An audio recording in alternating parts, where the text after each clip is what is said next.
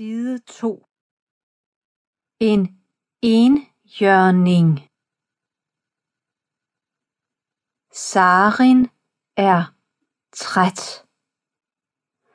Hun har gået lige siden hun flygtede fra kejserens by. Ved siden af hende går Nome. Er det vejen til Tågebjergene? spørger Sarin.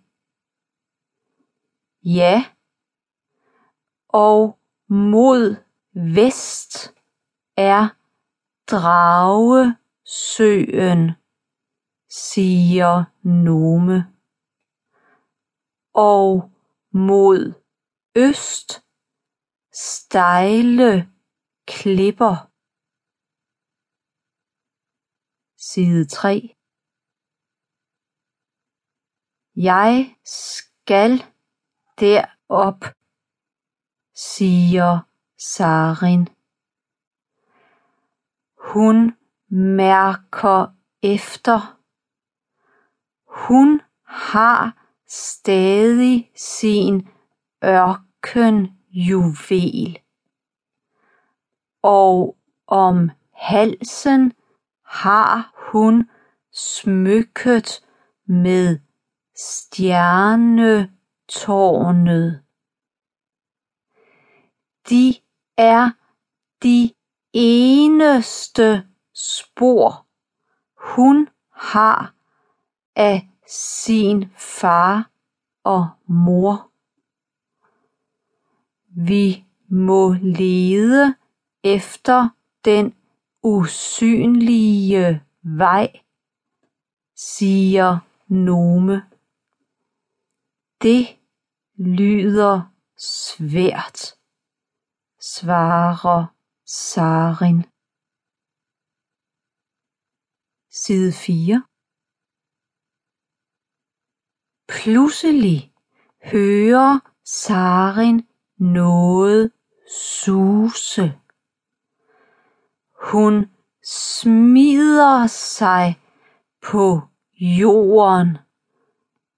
En pil, siger hun. Hvem skyder efter os?